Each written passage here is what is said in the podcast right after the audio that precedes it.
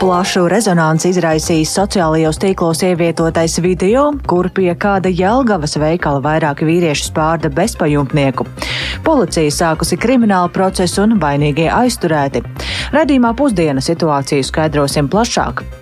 Pārstājusi darboties valsts valodas centra lietotne Valodas draugs. Interesēsimies, kāpēc tā un kur tagad varēs ziņot par valodas pārkāpumiem.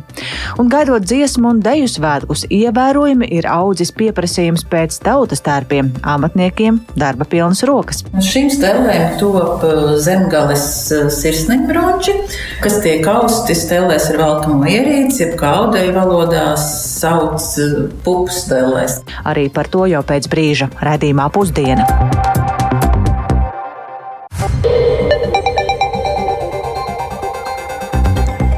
Piecas minūtes pāri 12. Tas ir laiks raidījumam pusdienu un plašākam skaidrojumam par šīs dienas 30. janvāra aktualitātēm. Studijā Dācis Semenoviča, esiet sveicināti! Amata pienākumus no šodienas atsāk pildīt valsts ieņēmuma dienesta ģenerāldirektore Ieva Jaunzeme. Atgādināšu, ka janvāra vidū finanšu ministrs Ārvils Ašerādens no jaunās vienotības atstādinātajai Jaunzemē izteica aizrādījumu par novēlotu finanšu ministra doto uzdevumu izpildi, un viņa var turpināt pildīt darba pienākums līdz pilnvara termiņa beigām nākamā gada februārī. Jaunzemē uzdoti vairāki uzdevumi, par kuru izpildus gaitu regulāri būs jāziņo ministram, bet eh, to, kāpēc Jaunzeme atstādināja, atgādinās kolēģis Jānis Kīncis, kurš man pievienojas studijā. Sveiks, Jāni! Sveika, Dats, sveicināti klausītāji! Jā, iepriekšējās valdības finanšu ministrs Jānis Rērs no jaunās vienotības pērn septembra beigās ierosināja disciplināru lietu un vidi ģenerāldirektors Ievas Jaunzemes atstādināšanu iecelšanu. Tāpat uz pārbaudas laiku atstādināja arī vidu nodokļu un muitas policijas pārvaldes direktoru Kasparu Podiņu, kurš šobrīd jau darbu dienestā ir atstājis. Šo rīkojumu izdeva reaģējot arī uz korupcijas novēršanas un apkarošanas biroja īstenotajām aizturēšanām dienestā. Tās notika aizdomās par iespējamu kukuļņemšanu lielā apjomā personu grupā pēc iepriekšējas vienošanās. Rēra laikā bija plāns Ieva Jaunzem rotēt Finanšu ministrijas ēnu ekonomikas ierobežošanas koordināt, koordinācijas departamentā. Ministrijā to gan nesaistīja ar sākto disciplināru lietu, bet gan viņas piemērotību šim amatam. Pat Jaunzem gan to intervijās Latvijas radio un Latvijas televīzijā skaidroja ar neizpratni un arī dzen uzsvēra, ka vidi ir izdevies likvidēt lielāko daļu eh, vēsturisko korupcijas perēkļu un ka patiesībā iemesls viņas atstādināšanai varētu būt eh, īsti paveiktais korupcijas eh, novēršanā dienestā. Un gada nogalē valdība atlika, jau, jau tagadējā valdība atlika jautājumu par jaunzemes pārcelšanu, un janvārī sekoja ministra Arvila Ašerādena lēmums viņu atjaunot vidu ģenerāldirektoras amatā. Un no šī Ašerādena lēmuma uh, distancējās koalīcijā ietilpstošais apvienotais saraksts, un tā saimas frakcijas vadītājs Edgars Tavars šodien uz Latvijas radio jautājumu atbildēja, ka frakcija plāno rosināt diskusiju ar premjeru, ar finanšu ministru un ar vidu ģenerāldirektoru Ievu Jaunzemi par to, kā valsts ieņēmumu dienestu padarīt uzņēmējiem un iedzīvotājiem draudzīgāku. Varam paklausīties viņa teikto. Jautājums mums šobrīd nav konkrēti par vienu cilvēku. Jautājums ir par to, kā strādā valsts ieņem dienests. Līdz šim Ievas Jaunzemes vadībā mums bija pamatots bažas. Un mūsu uzdevums un mūsu mērķis ir, ir panākt to, lai valsts ieņem dienests strādā efektīvi. Mēs redzam, efektivitāti. Igaunijas valsts ieņem dienestam, jā, mēs esam ļoti rūpīgi analizējuši. Tur ir funkcijas, iespējams, ir dažas atšķirās, muitas sadaļas un tam līdzīgi. Bet uh, vienalga, princips un attieksme. Tas ir tas, ko apvienotais sargs sagaida no ieņem dienesta. Mēs esam draudzīgs valsts ieņem dienesta. Šis ir laiks, kad mums jāmeklē, lai mūsu nodokļu budžetā pildītos viņi nevis tāpēc, ka mēs kādam nobloķējam kontus un aizturēto naudu ieskaitām valsts budžetā, bet pildītos tāpēc, lai uzņēmumi varētu brīvāk strādāt, mazāk birokrātija, vairāk koncentrēties uz savu darbu, kāpināt savu apgrozījumu, īpaši eksportspējīgi uzņēmēji un tādējādi maksāt papildus vairāk nodokļus budžetā.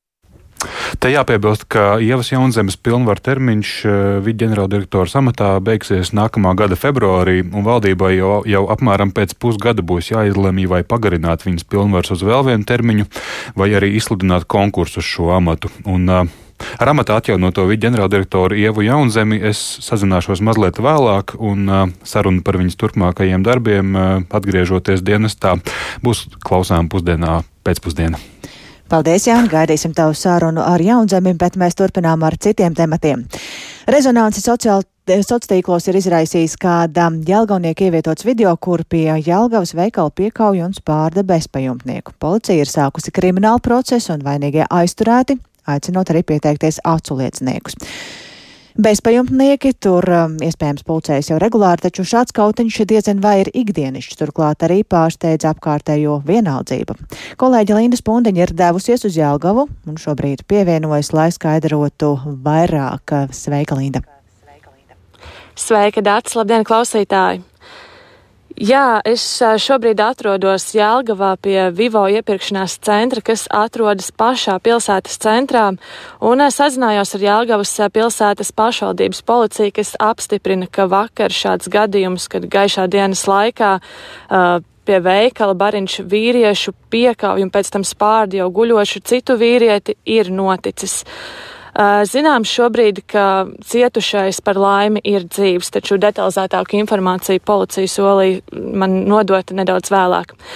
Eh, zināms arī tas, ka uzbrucējs operatīvi aizturēja, lai skaidrotu plašāk notikušo un, eh, un to, cik operatīvi reaģē šādās situācijās pašvaldības policija un vai vispār nākas bieži eh, braukt uz šādiem izsaukumiem, kā jau minēju, tad vēlāk sazināšos arī ar pašvaldības policiju.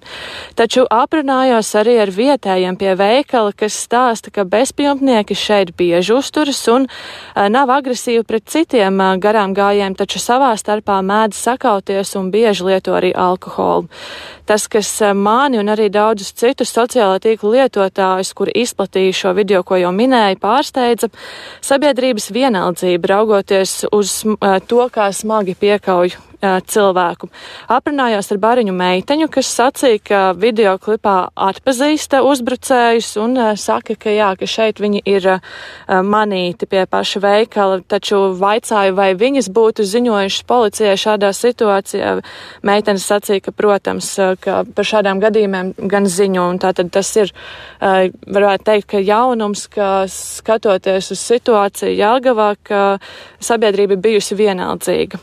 Aprunājos Sarunājos arī ar pensionāriem, kas ziņo, ka izvairās no šādām situācijām tieši savas drošības dēļ, un droši vien tas ir bijis viens no iemesliem, kādēļ tad uh, sabiedrība ir bijusi vienaldzīga. Uh, valsts policija norāda, ka šādās situācijās ir jāziņo nekavējoties atbildīgajām iestādēm, zvanot uz numuru 110, un tad uh, vēlāk jau arī skaidrošu to, ko pati pilsētas pašvaldības policija saka par šādām situācijām un cik tad atsaucās atsaucīgi ir uh, iedzīvotāji Jelgavā. Dace?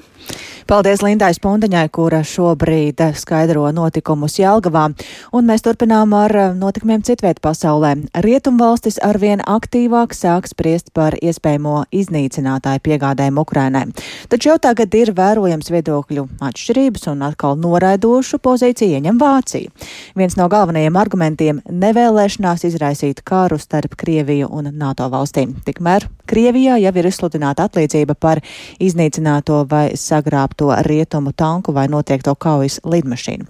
Vairāk ir gatavs stāstīt Uģis Lībietis, kurš man pievienojas studijās Veiksuģi. Labdien! Jā, nu, pēc tam, kad vairākas rietumvalstis pagājušajā nedēļā tomēr vienojās piegādāt Ukrainai ilgi prasītos tankus, tad Ukrainas prezidents Valdemirs Zelenskis norādīja, ka situācija valstī joprojām ir ļoti smaga un sabiedrotiem būtu jādomā par nu, daudz ātrāku militārās palīdzības piegādāšanu. Turklāt jā, jādomā ir arī aizvien par jaunu bruņojumu veidiem, un viens no visvairāk apspriestajiem un prasītajiem ir iznīcinātāji. Kieva jau ir aicinājusi piegādātāju vai no nu amerikāņu iznīcinātājus F-16, arī F-35, Eiropā ražotos Eurofighters, Tornado, Francijā ražotos Rafales vai Zviedru Gripen iznīcinātājus. Un kā nedēļas nogalē ziņo izdevums Politico, tad vismaz ASV aizsardzības ministrijā pieaugot atbalsts eh, iznīcinātāju F-16 piegādēm, taču sarunas starp Kijevu un Vašingtonu varētu turpināties vairākas nedēļas. Turklāt šīs jautājums ir pat vēl daudz sarežģītāks nekā tanku gadījumā. No aktuāli ir jautājumi ne tikai par pilotu apmācību, bet arī par atbilstošiem skrejceļiem, lidoparātu uzturēšanu un arī apsargāšanu. Nu, savukārt šeit pat Eiropā pozā kārtībā reizi ir nostājusies Vācija. Un tās kanclers Olafs Šolts ir izteicies, ka par iznīcinātāju nosūtīšanu Ukrainai nevar būt nerunas. Intervijā izdevumam Tāgas Špīgala Šolts ir uzsvērs, ka runāt par jaunām piegādēm ir vienkārši viegliprātīgi, jo Krievi, ar Krieviju ir jāturpina runāt, un, lai arī nav šaubu, ka karš Ukrainā tomēr ir absolūti nepieņemams, tad situāciju atrisinās tikai Krievijas spēka aiziešana no okupētajām Ukrainas teritorijām. Nedēļas nogalē pats Šolts viesojās Čīlē, kur arī komentēja sniegto palīdzību Ukrainai un Vācijas nostāju. Nu, paklausīsimies viņa teiktajā. Wir haben Hilfe geleistet, wie andere auch, finanziell, humanitär und auch mit Waffenlieferungen. Līdzīgi kā citas valstis, mēs esam atbalstījuši Ukrainu ar humāno un finansiālo palīdzību, kā arī nosūtot ieročus. Tas ir mūsu pienākums. Mēs esam snieguši ieguldījumu tajā, ka nav konflikta eskalācijas, jo tai būtu nopietnas sekas visai pasaulē. Tas varētu novest, piemēram, pie kara starp Krieviju un NATO valstīm, taču tas nenotiks. Mēs no tā izvairīsimies ar visiem līdzekļiem. Līdz šim mums tas ir izdevies, un mēs turpināsim to darīt. Vācija ir viena no Eiropas valstīm, kas ir nosūtījusi visvairāk ieroču, un ar mūsu nesenajiem lēmumiem mēs būsim pirmajās līnijās. Ar visiem lēmumiem, kurus mēs esam pieņēmuši, nav nevienas valsts, kas Ukrainu atbalstītu vairāk par Vāciju. Nu jā, daudzām valstīm noteikti būtu ko piebilst par šiem šolca izteikumiem, bet uh, tikmēr Krievijas kompānija Forest, kas specializējas naftas urbumu tehnoloģiju tirzniecībā, jau ir izsludinājusi atlīdzību par katru Ukrainā iznīcināto vai sagrābto tanku Abrams vai Leopard, vai arī notriektu lidmašīnu F-16. Nu, par pirmo tanku tiek solīta aptuveni 66 tūkstoši eiro, par katru nākamo desmit reizes mazāku summu, bet par katru notriekto iznīcinātāju varētu nu, saņemt pat 15 miljonus rubļu, jeb 200 tūkstošus eiro. Paldies, Oģi, tev par šīm ziņām. Um, taču vai Ukrainas bēgļiem Latvijas skolās būs jākārto valsts pārbaudījumi? Par to joprojām skaidrības nav, un šobrīd ir stājušies spēkā jauni ministru kabineta noteikumi, kuri paredz, ka no pārbaudījumiem atbrīvot ir skolēni veselības dēļ, sportisti, kas ilgstoši uzturas treniņu nometnēs un patvērumu meklētāji, bēgļi arī vai alternatīvo statusu iegūšie. Kā un vai tas attiecas uz Ukraiņiem, vairāk interesējās Ieva Puķa. Ministru kabineta noteikumos numur 31 kārtība, kādā izglītojamie atbrīvojami no noteiktiem valsts pārbaudījumiem, paredzēta iespēja neeksaminēt arī patvēruma meklētājus, bēgļa vai alternatīvā statusa ieguvušos, kuri šajā mācību gadā uzsākuši izglītoties Latvijā taču daudzi ukraiņi, bēgot no kara, ieradās Latvijā jau pagājušā gada pavasarī. Šobrīd mūsu izglītības sistēmas aizgādībā nonākuši vairāk nekā 4000 skolēnu no Ukrainas. Vai 9. un 12. klašu beidzējiem, kas ir viņu vidū, arī pieļaujami šādi atvieglojumi eksāmenu kārtošanā, jautāju Izglītības un zinātnes ministrijas izglītības departamenta vecākajai ekspertei Olitai Arklei. Jau pagājušajā gadā bija atvieglojumi atvieglojumi un varēja nekārtot eksāmenus 9. un 12. klasē. Šogad mēs esam nedaudz arī mainījuši pieeju, un eksāmenus var nekārtot 9. un 12. klasē, bet var arī kārtot. Gadījumā, ja skolēni izvēlas kārtot eksāmenu, tas nozīmē, ka ir iespējams lietot ukraiņu latviešu vārnīcu. Skolēni atrodas atsevišķā telpā, lai, lai netraucētu pārējiem vai cits citam, un ir iespējas arī pagarināt uh, eksāmena kārtošanas laiku. Ja skolēns eksāmenu izlemj nekārtot vai arī nenokārto, viņam piedāvās palikt tajā pašā klasē, vai arī vienkārši saņemt liecību. Ja bērns, piemēram, ar ģimeni izlēms atgriezties Ukrajinā, stāsta Olitārkle. No skolām saņemtas ziņas, ka daudziem ir grūtības ar latviešu valodu, trūkstot arī latviešu valodas skolotāju, kas viņiem varētu palīdzēt. Ukraiņi uzrāda ļoti labas zināšanas matemātikā un dabas zinībās, bet daudziem pieklibojot angļu valoda. Daudz arī vakaros turpina mācības tālmācībā savā Ukraiņas skolā. Apzvanītie Latvijas izglītības iestāžu vadītāji līdz šim gan nav saņēmuši skaidru signālu, ka Ukraiņu bērniem pat ja tie sākuši mācības tikai nesen, varētu piešķirt atbrīvojums no valsts pārbaudījumiem. Nē, tas nav tā pieņemts, ka var nekārtot. Es nezinu, kur es redzu, pat tieši par to tagad notiek sanāksme un nav tāds lēmums, ka var nekārtot. Tas ir tāds, bija tāds melnraksts, ja tāds, ka jāskatās, kā būs ierakstīts Ukraiņu civiliedzīvotāji, ja? noteikumos, bet nu, tur nekāda grozījuma nav veikta. To saka Rīgas Ukrāņu vidusskolas direktors vietnieks izglītības jomā Romāns Tilleris un arī viņa kolēģe Rīgas 15. vidusskolas direktore Nataļa Kubasova nav dzirdējusi, ka ukraiņu skolēniem varētu pieļaut atbrīvojums no eksāmeniem. Viņas vadītajā skolā šogad 12. klases beidzēju ukraiņu bēgļu nav, bet 9. klasē mācās 12 ukraiņi. Tātad pārbaudas būs jākārto arī viņiem? Ukraiņiem it kā jā, mēs līdz galam to nezinām. Ā, nu jā, viņi nekārto, tad viņi nebūs, es domāju, ka nebūs viņiem apliecība par pamatizglītību. Izglītības un zinātnes ministrijas runas persona Olita Arkle saka, šādas neskaidrības ieviesušās tāpēc, ka ukraiņu skolēni nemaz nav pieminēti ministru kabineta noteikumos numur 31 par kārtību, kādā izglītojumi atbrīvojami no noteiktajiem valsts pārbaudījumiem. Uz viņiem attiecas īpašs Ukrainas civiliedzīvotāju atbalsta likums, tajā, kuru katru katru brīdi vajadzētu tapt izmaiņām. Ukraiņu atbalsta persona Linda Jākapsone Gavala no organizācijas Gribu palīdzēt bēgļiem tikmēr stāsta, ka pagājušās nedēļas beigās tieši par šo jautājumu runājas ar izglītības ministrijas komunikācijas personu, taču skaidrību, būs vai nebūs bēgļiem jākārto eksāmeni, nesot gūsi. Bet klāt jau februāris, līdz mācību gada beigām palicis pavisam maz laika. Pēc nozares ministrijas informācijas 9. klasi Latvijā šogad beigs 198 un 12. klasi 9 Ukraiņas kara bēgļu bērni. Ieva Puķa, Latvijas radio. Tas par valsts pārbaudījumiem un kam tie šogad būs jākārto atbildes uz neskaidrajiem jautājumiem meklēsim arī raidījumā pēcpusdiena. Lielāka nekā citus gadus šogad ir bijusi iedzīvotāju aktivitāte piesakot gada vārdu, nevārdu un spērnoto teicienu. Rīgas Latviešu biedrības Latviešu valodas attīstības kopa šādu akciju rīko jau 20 gadu un šodien paziņo šī gada rezultātus. Tikmēr līdz šim par valodas tīrību gādāja mobilā lietotne valodas draugs, kur varēja ziņot par valodas pārkāpumiem, taču tagad tā savu darbību ir pārtraukusi.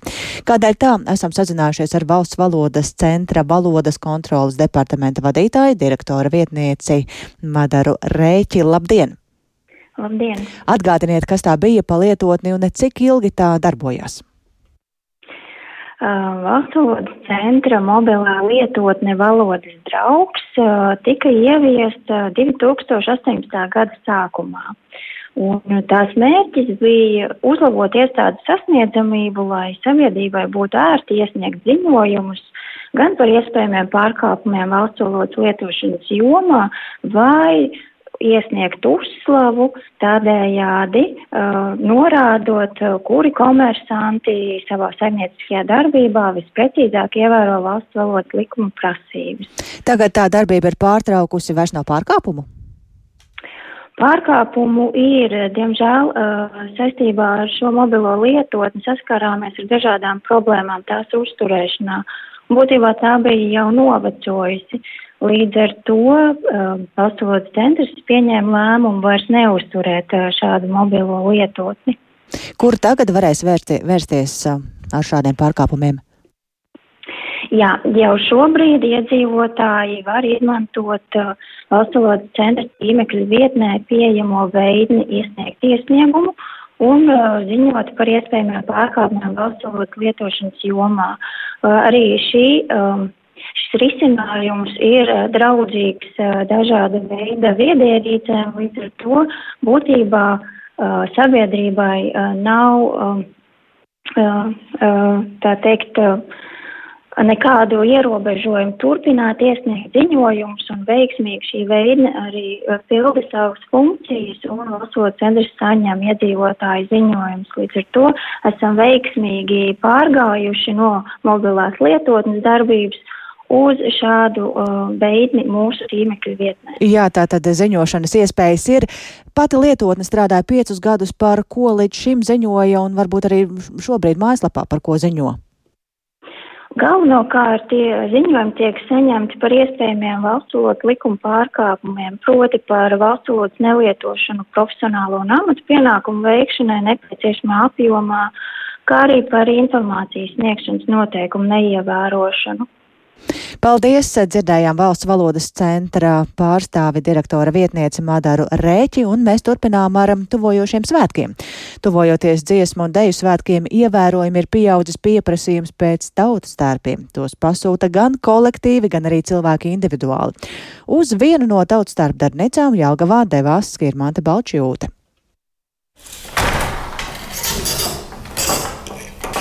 Jelgavas audējām darba pilnas rokas, tuvojoties dziesmu un deju svētkiem, pieprasījums pēc tautas tērpiem ievērojami pieaudzis.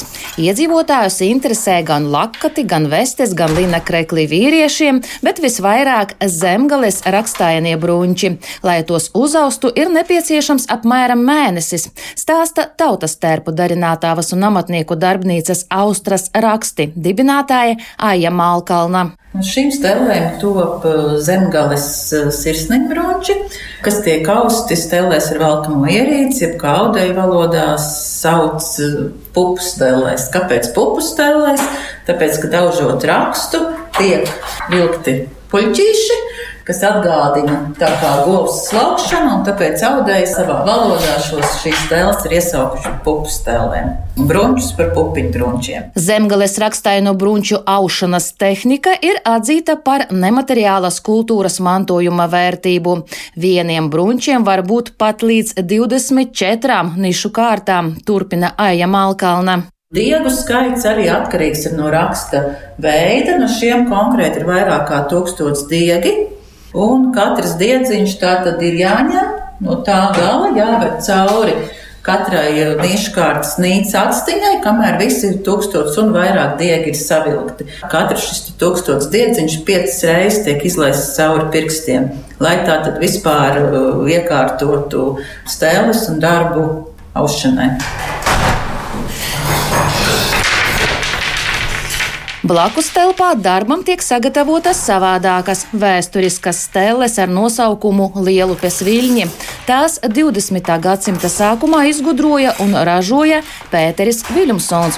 Šīs stēles ir pusautomātiskās, tāpēc uz tām strādāt ir vieglāk, skaidro audēja Anita Rauda Žukovska. Celšanas process ir puslīdz jau mehanizēts. Tā saucās pusautomātiska stēle, jau, ja?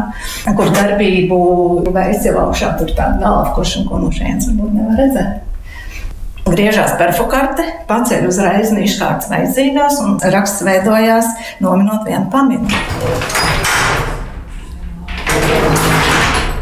Plānots, ka gan zemgales rakstainie brunči, gan topošais sīkrakstains lakats piedalīsies tautas tērpu skatē, kas šovasar norisināsies dziesmu un deju svētku ietvaros. Skirmante Baļķute, Latvijas radio. Teikt tālu par lielo interesi darināt tautas tērpus, bet vai tikpat liela vēlme tuvojoties dziesmu un deju svētkiem ir vēlme kļūt par brīvprātīgajiem? To vaicāšu svētku komunikācijas vadītājai Ingai Vasiljevai, kura man pievienosies telefoniski. Labdien! Sveiciens! Jau nedēļa ir iespēja pieteikties, cik daudzi ir tādu iespēju izmantojuši? Nu, jāsaka, kā ir, ka šo iespēju izmantojuši ļoti daudzi, un tā aktivitāte, piemēram, salīdzinot ar 2018. gada svētkiem, kad mums bija tādi vairāki uzsaukumi brīvprātīgiem piedalīties, ir ļoti, ļoti augsta. Un pēc mūsu tādām aplēsēm mēs tagad domājam, ka šīs nedēļas laikā iespējams, kad mēs arī slēgsim šo te iespēju pieteikties. Cik daudz apmēram ir pieteikušies un um, ar ko jūs to skaidrojat šo lielo interesi? Nu, pieteikušies ir vairāk nekā 1200 brīvprātīgi uz šo brīdi, un uh, nu, mēs to, to, to lielo interesi saistam, protams, ar to, ka varbūt šis te Covid laiks un varbūt arī tas uh, drūmais fons, kas mums uh, apkārt ir gan šīs te kara fons, viņš tomēr cilvēkos uh, raisa to nepieciešamību līdzdarboties, jo dziesmu svētki, kā mēs zinām, ir viens no lielākajiem, svarīgākajiem mūsu tāds arī sabiedriskās dzīves notikumiem. Un kas galvenokārt piesakās, tie ir jaunieši vai seniori?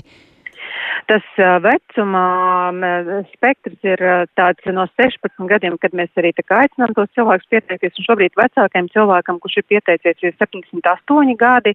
Jāsaka, ka grupa no 16 līdz 25 gadiem ir tāda aktīvāka un visdaudzskaitlīgākā, bet mēs esam arī priecīgi par to, ka šogad diezgan aktīvi piesakās arī seniori.